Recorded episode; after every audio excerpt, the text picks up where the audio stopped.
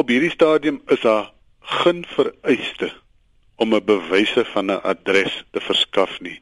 So die adres wat die persoon aan ons verskaf, aanvaar ons soos hy dit aan ons voorlê.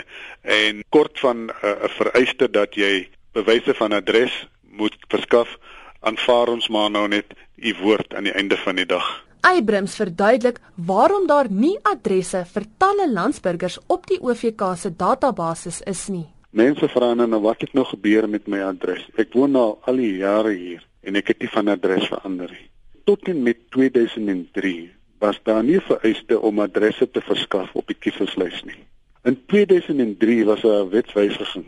En die wetswysiging vra dat die OVK aan politieke partye 'n kieserslys met adresse moet verskaf. So dis nie sedert 2003 wat hierdie vereiste ingekom het. Nou kom ek sê vir jou nou, die vorms wat jy nou in 98 ingevul het, toe dit nou vir ons nodig was om hierdie goed vas te lê, is van hierdie goed of beskadig, nie meer leesbaar nie en so voort, verskillende redes.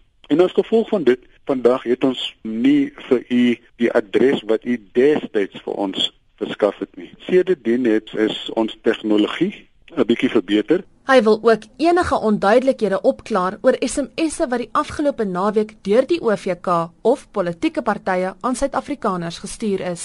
Ons het Vrydag gedurende die dag omtrent so meer as 5 miljoen SMS'e uitgestuur en hierdie selnommers aan wie ons dit gestuur het, het ons verkry gebaseer op 'n ID-nommer en die boodskap daarin was om te sê dat ons dan nou nie 'n adres het vir u nie. Maar dit beteken nie dat u nie op die kieserslys is nie. Dit beteken net dat ons nie 'n adres het nie en dat ons eintlik bevestig dat jou naam op die kieserslys is. Dit kan wees dat vir sekere mense nou seker sê, maar ek het 'n adres, ek het hom gesien toe ek die stemlokaal besoek het. Jy moet net onthou dat die boodskap is gestuur aan 'n selnommer en nie spesifiek direk aan 'n persoon nie en dat die selnommer wat ons verkry het, miskien net gekoppel is aan die ID-nommer. Abram sê alle landsburgers moet registreer en stem in die wijk waar hulle woonagtig is om enige vorm van politieke manipulasie te voorkom. Om doelbewus te gaan registreer in 'n wijk of 'n stemdistrik waar u nie woonagtig is nie en wat waar u weet u nie moet stem nie, is krimineel. Enige persoon wat skuldig bevind is aan sulke aksies kan tot op met 5 tot 10 jaar tronkstraf gefonnis word. So dit is 'n ernstige saak.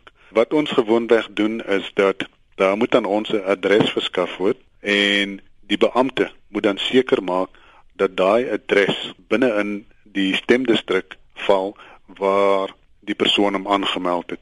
Indien nie, dan word hy dan verwys na 'n uh, ander stemlokaal. Dit was 'n senior bestuurder vir verkiesingsaangeleenthede by die onafhanklike verkiesingskommissie, Granville Abrams. Ek is Dianke Nel vir SABC nuus.